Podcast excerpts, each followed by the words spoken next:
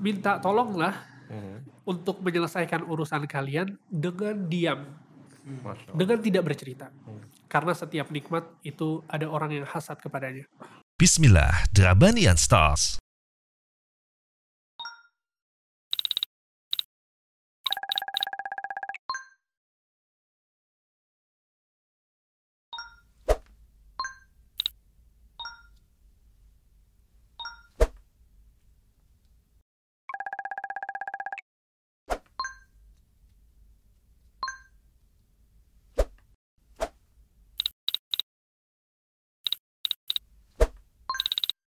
Samase, it's different. Bismillah, Assalamualaikum warahmatullahi wabarakatuh. Alhamdulillah, wassalatu wassalamu ala rasulillah wa ala alihi wa ajmain amma ba'd. Brothers and sister, kita kembali berjumpa di sebuah program, program obrolan ringan yang menarik dan asik serta penuh faedah bersama guru kita dalam program Drabania Stocks. Dan kita akan kembali membahas permasalahan seputar kehidupan kita sehari-hari, apa yang kita lihat, kita dengar, kita rasa akan coba kita angkat dan bahas bersama guru kita dan telah hadir di tengah-tengah kita kembali Al Muhammad Halid Syarial Syafidullah Ta'ala dan Al Hamdi Solah Al Bakirasi Hafidullah Ta'ala. Assalamualaikum Ustadz. Waalaikumsalam warahmatullahi wabarakatuh. Sehat Ustadz ya? Alhamdulillah. Gimana kabar antum? Alhamdulillah? Ustadz. Terima kasih banyak nih. Masih terus setia menemani kita semua nih teman-teman sekalian. Alhamdulillah. Baik Ustadz, kita akan coba membahas sebuah fenomena ya. Ini sebenarnya teori lama Ustadz. Ada ada sebuah buku yang mengangkat konsep namanya itu law A. Law of Attraction Ustadz. Ya, teman-teman udah pada eh, paham ya. Jadi ada sebuah buku yang eh, menarik 10 tahun lalu tapi juga banyak kontroversinya. Tetapi adalah ini di sebuah eh, apa namanya? eh, digunakan oleh teman-teman terkait konsep yang menyatakan bahwa pemikiran positif itu akan berdampak pula positif terhadap kehidupan seseorang. Kemudian begitu pun sebaliknya. Mungkin pola pikir yang negatif akan sangat berdampak terhadap kehidupan seseorang dan kita tergantung apa yang kita pikirkan gitu saat ya. Yang menarik. Kemudian juga hal ini juga sikap sebagian dari teman-teman yang mungkin overthinking, khawatir menghadapi permasalahan sehari-hari dan akhirnya kejadian gitu kan. Nah, tapi menariknya adalah di dalam law of attraction ini ada sebuah teknis ketika ingin mewujudkan harapan itu dibayangkan Ustadz. Dibayangkan, diafirmasikan, ya kan, pejamkan mata, afirmasikan apa yang kau harapkan atau bahkan bisa bantu dituliskan, digambarkan secara detail, kemudian juga eh, apa namanya diafirmasikan secara kuat, kemudian juga diharapkan atau mungkin doa. Ustaz. Nah, ini menariknya adalah dikaitkan dengan apa yang kita yakini dan kita pelajari dan alhamdulillah atas nikmat eh, iman dan Islam ini Ustaz, kita pengen membahas tentang law of attraction ini dari sisi pandang eh, agama Ustaz. Mungkin apakah teknik afirmasi Ustaz membayangkan keinginan kita, harapan kita didetailkan ini termasuk optimisme atau malah jangan-jangan eh, panjang angan-angan Ustaz, berlebihan. Ini bagaimana Ustaz? Baik, Bismillah, Alhamdulillah, wassalatu wassalamu ala rasulillah, ma ba'd. Islam mengajarkan kita untuk selalu optimis. Hmm. Ya, bahkan Nabi Shallallahu Alaihi Wasallam bersabda dalam sebuah hadis, wa yu'jibunil fa'lu. Sesungguhnya aku suka al-fa'lu. Para sahabat pun bertanya, wa mal fa'lu ya Rasulullah? Apa itu al-fa'lu? Kata Nabi SAW, al-kalimatu tayyibah. Ya, perkataan-perkataan yang baik, yang bisa menjadikan seseorang itu optimis, mem- memiliki harapan. Ya sehingga kalau kita bicaranya dari sisi optimisme, ya maka dengan apa namanya dengan sangat jelas Islam itu mengajarkan kita untuk selalu optimis. Ya. Bahkan Nabi Shallallahu Alaihi Wasallam ketika Wasallam. ada apa sulhul Hudaybiyah ya ada perjanjian antara Nabi Shallallahu Alaihi Wasallam dengan orang-orang kafir Makkah itu terjadi sulhul Hudaybiyah kemudian utusan dari orang-orang kafir itu namanya Suhail bin Amr Suhail bin Amr datang kemudian Nabi Shallallahu Alaihi Wasallam mengatakan Hada Suhail bin Amr ma arahu illa wa qad sahala amrakum yang datang ini namanya Suhail Hmm. aku yakin dia akan memudahkan urusan kalian Oke, Suhail itu dari kata-kata sahal. Sahal itu memudahkan. Hmm. Ya. Jadi ketika ada orang yang datang namanya Suhail, kata Nabi, ini namanya Suhail loh. Masya Allah. Waqad sahala amrakum, dia akan memudahkan urusan kita. Hmm. Nah, ini mak- maksud dari eh, optimisme yang Nabi Shallallahu Alaihi Wasallam berikan kepada sahabat-sahabatnya. Ini kondisinya sekarang mereka tinggal di Madinah, terus terjadi peperangan dari mulai Uhud, eh, Badr, Uhud, Khandaq, Ya. itu semuanya peperangan sama orang-orang kafir Quraisy. Ya, ketika ada, terjadi Sulhul Hudaybiyah, Nabi meng- mengambil satu nama ya yang kebetulan terjadi, Taib, kemudian memberikan eh, rasa optimisme kepada sahabat-sahabatnya. Sehingga maksudnya adalah bahwa Islam mengajarkan kita untuk selalu optimis. Ya, bahkan dalam sebuah hadis Nabi Shallallahu Alaihi Wasallam mengatakan, "Idza sa'altumullah al-jannah fas'aluhu al-firdaus al-a'la." Ya, jika kalian meminta kepada Allah, berdoa kepada Allah, maka mintalah surga Firdaus. Ya, fa innahu awsatil jannah wa a'lal jannah arahu fawqa arsyir rahman. Urahu fawqa fawqahu arsyir rahman. Ya sesungguhnya surga Firdaus adalah surga yang ada di atas, paling atas dan yang paling tengah, ya. Dan di atasnya itu ada arsy Allah Subhanahu wa taala wa minhu tafajjaral anharul jannah dan darinya eh, keluar eh, apa namanya sungai-sungai yang mengalir di surga-surga. Sehingga maksudnya adalah di sini Nabi SAW mengajarkan kita ketika kita mau berdoa kepada Allah, mau meminta sesuatu, maka kita diperintahkan untuk meminta yang paling tinggi. Oke. Ya, jangan pernah kita mengatakan bahwa, aduh saya amalan saya sedikit, saya bukan orang yang rajin sholat misalnya. Jangan, tetap mintanya surga Firdaus. Minta kepada Allah Subhanahu Wa Taala yang terbaik selalu. Minta sama Allah Subhanahu Wa Taala yang paling spesial.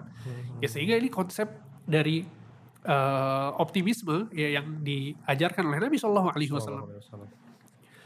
Kemudian kalau yang antum bilang tadi membayangkan dan Iya, lain Ustaz. sebagainya, Hmm.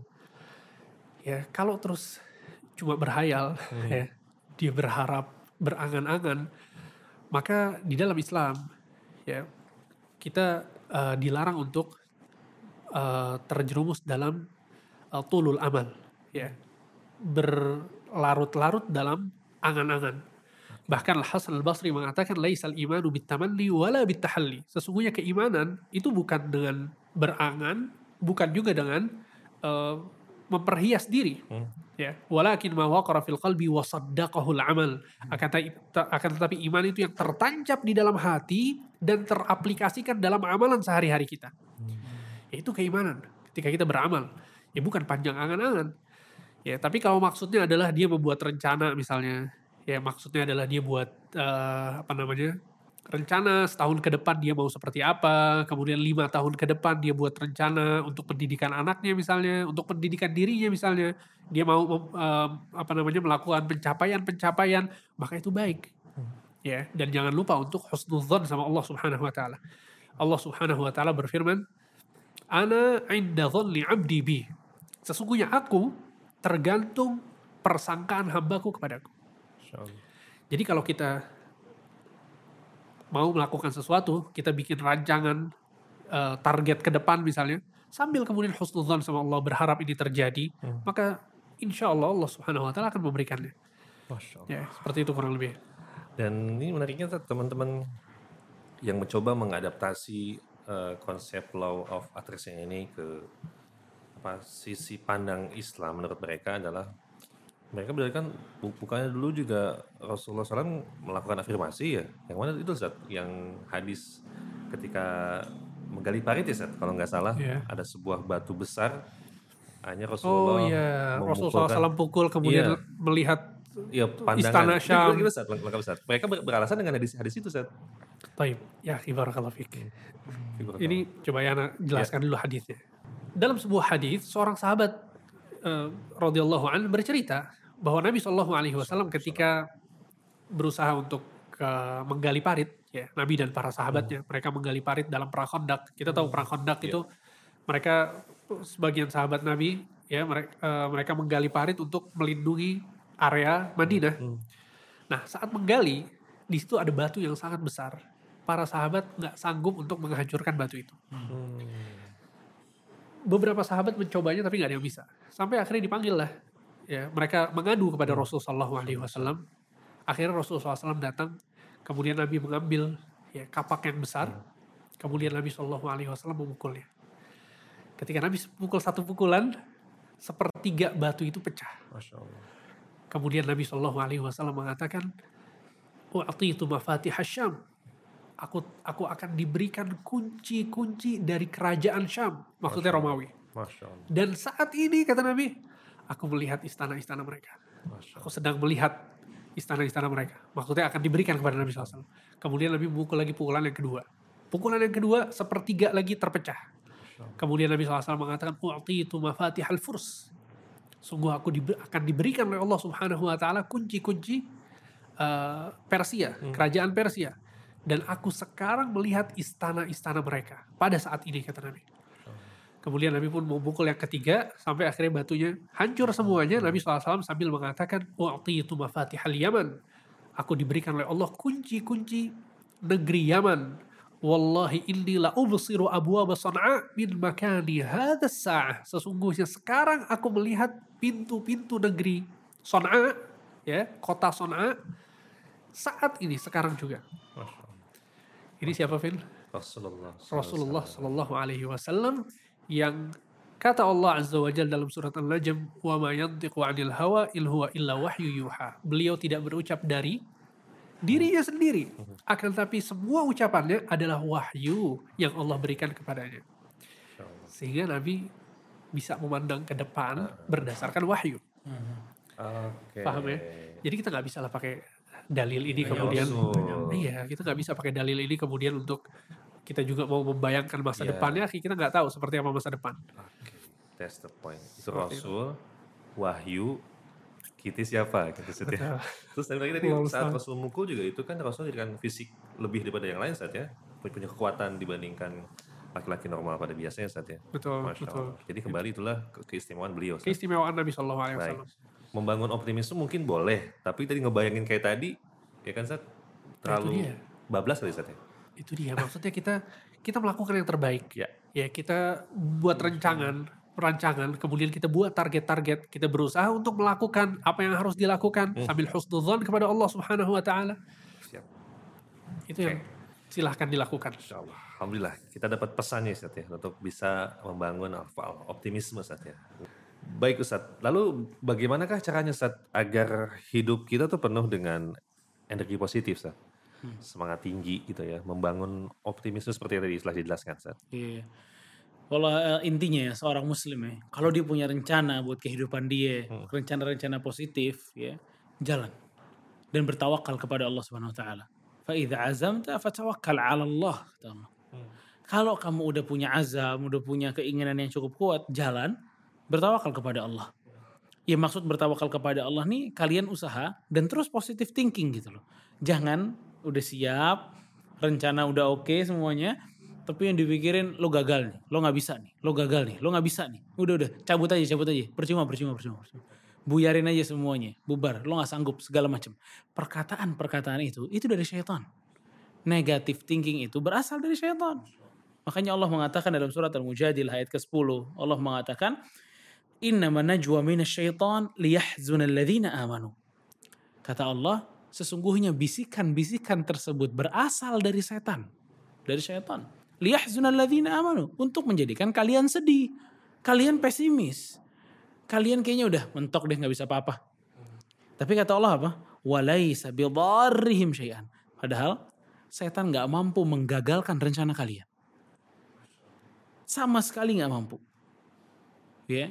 Jadi itu semua apa ya? Ya dari setan aja pikiran-pikiran tersebut. Setan emang pengennya kita gagal dan mesti digaris bawahi. Setan tuh nggak bisa menguasai kita, nggak bisa menggagalkan rencana kita. Semua itu dari Allah. Makanya kan disuruhnya tawakal, bukan mikirin negative thinking dari setan, bukan. Positive thinking dan bertawakal kepada Allah. Jalan. Karena ini yang bakal menggerus perkataan-perkataan setan tadi tuh. Ya, makanya kita mesti kuat menjadi seseorang yang memiliki rencana mesti kuat. Karena setan tuh bakal terus-terusan menjadikan kita tuh lemah. Ya, jadi setan nggak mampu, tapi kitanya yang dibikin putus asa sama setan. Dibisikin aja terus, dibisikin terus. Setan nggak mampu mencelakakan kita kecuali dengan izin Allah. Udah setan bisa cuma bisikin doang. Setan bisa cuma bisikin doang. Ya, makanya Ali Imam Syi'di rahimahullah beliau juga mengatakan makanya positive thinking itu sangat berpengaruh kepada diri seseorang. Ya, Syi'di mengatakan kalau pikirannya positif maka yang terjadi juga akan hal yang baik. Tapi pada saat itu hal negatif yang dipikirkan maka ini juga akan berbuah hal yang negatif. Makanya jangan kalah sebelum berperang gitu. Jadi orang udah bilang nggak bisa, nggak bisa, udah gue nggak bisa lah. Pesimis isinya, ya. Padahal kita bilang Anda bisa. Ya bahasa kita ya lu bisa fight sama setan, lu bisa fight. Sangat bisa. Kalau orang bilang enggak, gue nggak bisa. Ini negative thinking terus-terusan ada nih. Kegagalan depan muka terus nih. Ada orang mengatakan Kalau seseorang itu putus asa, nggak bisa memerangi negative thinking yang ada pada otaknya dia, bilang sama dia, gimana kalau ada lomba? Hadiahnya 50 miliar. Hmm. Lombanya cuma satu. Coba singkirkan negative thinking yang ada di kepala kamu. Insya Allah. Insya Allah bisa. 50 M.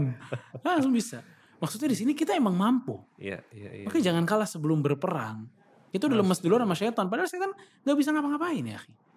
Kita yang menggagalkan diri kita ya kita juga. Gara-gara dorongan setan tadi. Gitu. Masya Allah. Makanya udah bismillah tawakal sama Allah. Ih, ini poin banget ya teman sekalian bahwa setan nggak bisa mengintervensi langsung set Sama ya, sekali. tapi membisikkan kita agar Bis- terjerumus. Akhirnya kita juga yang Drop. membuat itu gagal gitu. Oke, masya Allah, masya Allah. Ih, gimana teman-teman? Makin optimis ya, masya Allah semangat kita nih. Tapi saat lagi semangat semangatnya gini saat, ya kan, bikin rencana, plan. Saya pengen ini, saya pengen itu.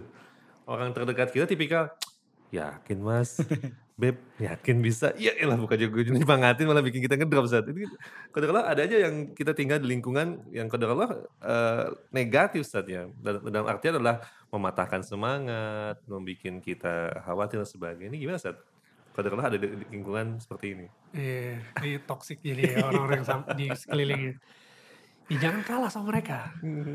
Jangan kalah. Kalau kita udah yakin bahwa itu baik, Ya.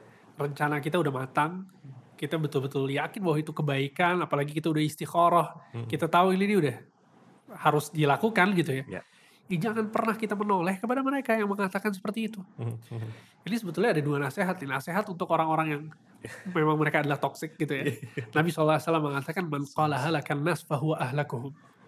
Ka- Jika ada yang mengatakan bahwa manusia ini binasa, sesungguhnya orang yang paling binasa adalah dia. Subhanallah. Kita nggak boleh ya bikin seakan-akan dunia ini tidak baik atau apalagi kita memberitahukan kepada orang lain bahwa kamu nggak bisa ya bagaimana mungkin kamu melakukan itu itu rencana besar dan lain sebagainya. Jangan. Nabi SAW melarang kita untuk eh, memberikan apa ya eh, untuk melontarkan sifat yang negatif kepada orang-orang yang ada di sekitar kita. Ya, makanya ada sebagian orang zaman sekarang bilang bahwa zaman sekarang zaman jahiliyah udah kembali ke zaman jahiliyah seperti dahulu. Kita nggak bisa benarkan statement ini ya jahiliyah sudah nggak ada dan alhamdulillah masih banyak orang-orang baik dan seterusnya. Sehingga maksudnya adalah bahwa kata-kata yang baik ya yang mengandung optimisme memberikan harapan kepada orang lain itu yang harusnya diucapkan. Apalagi itu adalah orang-orang terdekatnya Iya. ya kan? Ada satu kisah yang diriwayatkan oleh Imam Tabrani dan yang lainnya bahwa Ibnu Abbas radhiyallahu anhu wa ardhahuma ketika Rasulullah SAW wafat Sallallahu alaihi wasallam. beliau berumur masih belasan tahun ketika itu Masya Allah. dan Ibnu Abbas ini terkenal seorang sahabat yang masih muda, yang sangat bersemangat untuk belajar. Nah Ibnu Abbas bercerita bahwa dia mengajak sahabatnya yang masih satu umuran sama beliau untuk belajar bersama. Kata beliau, Ya fulan, halumma falnas al ashaban Nabi SAW, fa innahumul yawma kathir. Wahai fulan, ayo kita pergi ke sahabat-sahabat Nabi. Sesungguhnya mereka masih hidup, masih banyak sekarang. Ya, maksud Ibnu Abbas adalah mengajak temannya ini untuk belajar bersama, menggali ilmu dari sahabat-sahabat Nabi. Karena kita tahu ya bahwa bahwa ketika Nabi SAW wafat di situ masih ada Abu Bakar, Umar, Uthman, Ali, sahabat-sahabat yang sangat dalam ilmunya. Ibnu Abbas rajin belajar mau ngajak sahabat. Masya Allah. Apa kata sahabatnya? Kata beliau, wa ajaban laka ya Ibnu Abbas. Ataron nasa yahtajuna ilaik. Wa fil nasi min ashabil Nabi SAW man tara. Kata orang ini, wahai Ibnu Abbas, kamu ini sungguh aneh. Kamu pikir orang-orang ini butuh sama ilmu kamu. Ya Allah. Sekarang ini banyak sahabat-sahabat Nabi yang masih hidup. Mereka bakal tanya ke sahabat-sahabat Nabi. Paham tuh ya? Masya Allah. Ini Subhanallah. subhanallah. dalam tanda kutip toksik ya. Boleh ya. Kemudian apa kata Ibnu Abbas? Fataraktu dzalika wa aqbaltu 'alal mas'alah. Aku tinggalkan sahabatku itu dan aku lanjutkan tolabul ilm. Bertanya kepada sahabat-sahabat Nabi yang lain. Nah, ini yang harus dilakukan ketika ada orang lain yang mengatakan jangan Ya. ngapain belajar ya itu terlalu besar bagimu misalnya. Ngapain susah-susah dan lain sebagainya. Jawab seperti sebagaimana yang dikatakan oleh Ibnu Abbas. Fataroktu dzalik. Aku tinggalkan orang itu dan aku tetap belajar. Aku tolabul ilm. Kemudian sahabatnya ini setelah berselang waktu yang lama, Ibnu Abbas sudah eh, berumur, kemudian sahabat yang tadi pun sudah berumur, Hmm. apa kata sahabat Ibnu Abbas? Kata orang itu, "Fabaqiya rajul hatta ra'ali wa qad ijtama'a alaihi." Ya, kata Ibnu Abbas, sampai kemudian umur kita panjang gitu ya, berselang waktu lama, dia pun melihatku, kata Ibnu Abbas, dia pun berkata, "Kana hadzal fata aqalu minni." Sesungguhnya orang ini, maksudnya Ibnu Abbas, lebih berakal, lebih pintar daripada diriku. Jadi nanti tunggu nanti jalani dulu aja rencana baiknya. Allah. Masya Nanti orang bakal tahu bahwa itu adalah rencana baik. Apalagi kita sambil berdoa husnudzon sama Allah. Ya jangan takut gagal, jangan takut dicibir sama orang, jangan. Iya, kita iya. yakin itu kebaikan. Bismillah, fa idza azamta fatawakkal 'ala Allah. Seperti itu. Masya Allah. Tapi mungkin juga nggak sembarangan cerita kali Ustaz ya? Apakah semua mesti kita Betul. cerita ini? Sahih, Iya itu kan? juga. Heeh. Ya. eh, kalau kita punya rencana, Heeh. ini rencana baru kita buat, Iya. kita jangan rame dulu. Sabar, teman-teman. sabar. jangan terlalu rame. Em, ada sebuah perkataan bagus ya, hadis Nabi SAW disahihkan oleh Syekh Al-Albani ya bahwa Nabi SAW bersabda ista'inu ala ijahil hawaij bil kitman fa inna kulla kulla dhi ni'matin mahsud ya minta tolonglah Mhm. untuk menyelesaikan urusan kalian dengan diam dengan tidak bercerita. Karena setiap nikmat itu ada orang yang hasad kepadanya. Jadi terkadang kita nggak perlu cerita-cerita. Ya ketika kita punya satu rencana besar misalnya, Hmm. atau kita mau melakukan sesuatu program dan lain sebagainya, nggak perlu Ya. cerita-cerita. Baik. Ya, tapi dibolehkan seseorang bermusyawarah Hmm. ya kepada orang yang memang amanah, punya ilmu dalam hal tersebut, dalam bidang tersebut, layak untuk diminta pendapatnya. Kita nggak apa nggak apa-apa kita cerita ke Hmm. orang tersebut. Tapi kalau cerita ke sembarang orang, ya bahwa saya mau melakukan ini, punya rencana ini, punya rencana itu, maka nggak perlu. Ya, Jadi kita lakukan dulu, biar orang-orang nanti melihat sendiri seperti Masya itu. Allah. Masya Allah. Alhamdulillah. Nah, Ustaz, kemudian juga nah simpulannya adalah Ustaz bagaimanakah cara kita menyikapi itu Ustaz ya? Ternyata law of attraction ini kita punya hal yang lebih baik dalam konsep Islam Ustaz ya. Itu nah, dan apakah sama Ustaz antara law law of attraction dengan doa Ustaz? Gimana Ustaz Muhammad? Ya, barakallahu. Kalau eh, dari yang saya lihat ya dari masalah loa ini, Mm-mm. ya loa ini dibawa bukan oleh pribadi muslim, Sahih. Ya. Jadi urusan urusan doa ya pasti nggak ada di situ. Mm-mm. Dia dia punya keinginan aja. Mm. Dia punya keinginan. Dan sebenarnya punya keinginan itu harus dimiliki oleh setiap muslim ataupun kafir. Dia mesti ada keinginan dalam kehidupan dia. Maka loa ini boleh, tapi tentu mesti ditambah dengan hal-hal yang penting dalam Islam. Silahkan buat rencana, konsepkan apa yang kita mesti konsepkan, ya. Tapi doa kepada Allah Subhanahu Wa Taala. Mesti ditambah doa. Karena tadi kita udah bahas ya bahwa tetap aja yang menentukan rencana anda berhasil atau tidak itu Allah. Ya kan maka Rasulullah SAW mengatakan ihris ala ma yanfa'uka wasta'in billah wala ta'jiz. Kalian semangatlah dengan hal yang bermanfaat untuk kalian. Kalau dengan kita pengen punya rumah misalnya itu keinginan kita. Kita minta sama Allah dan kita bisa bikin rencananya gitu loh. Mm. kita bisa bikin rencana gue berarti nabungnya di sini pendapatan nih gue berusaha untuk bisa dapat segini dan seterusnya. Rencanakan itu ya dan berdoa kepada Allah Subhanahu wa taala banyak berdoa kepada Allah Subhanahu wa taala. Ud'u rabbakum tadarruan wa khufyah. Ya minta kepada Allah Subhanahu wa taala. Jadi khawatirnya kalau kita memutlakan lawa ini boleh akhirnya seseorang ini sombong. Mm. oh semua rencana-rencana ini bisa saya lakukan gitu loh. Hmm. padahal nggak gitu dalam Islam. Baik. semua yang rencana Anda, apa pun yang Anda inginkan itu mesti dengan izin Allah Subhanahu wa taala. Ya, didoakan. Dan mungkin jangan nggak usah lebay-lebay dalam doa Enggak. kayak lo tadi itu Iya, angan-angan. Ya sampai rumahnya masuk rumah, dibayangin dia masuk ke rumah, Iya. dia masuk ke kamar, dia masuk eh, lebay lah, Masya biasa-biasa aja. Mhm. Ya, nggak usah sampai lebay-lebay begitu juga. Ntar doanya gitu juga. Ya Allah, rumah yang pagarnya gede, Masya Allah. putih warna rumahnya, Masya Allah. kamar mandinya sekian, kamarnya sekian, tempat tidurnya ini ngapain? Masya Allah. Udah. Yang sederhana, gak usah lebay-lebay. Dulu para sahabat, ada salah satu anak sahabat itu yang doa, ya. Allahumma inni as'alukal jannata wa na'imaha wa bahjataha wa a'udzu bika minan nari wa salasilaha. Ya. Wa wasalasilah wa kada wa kada. Mhm. Jadi minta ya Allah, saya pengen surga ya dengan seluruh nikmat yang ada di dalamnya, dengan seluruh kebahagiaan yang ada di dalamnya, ya. Di rumahnya, bidadarinya, sungainya.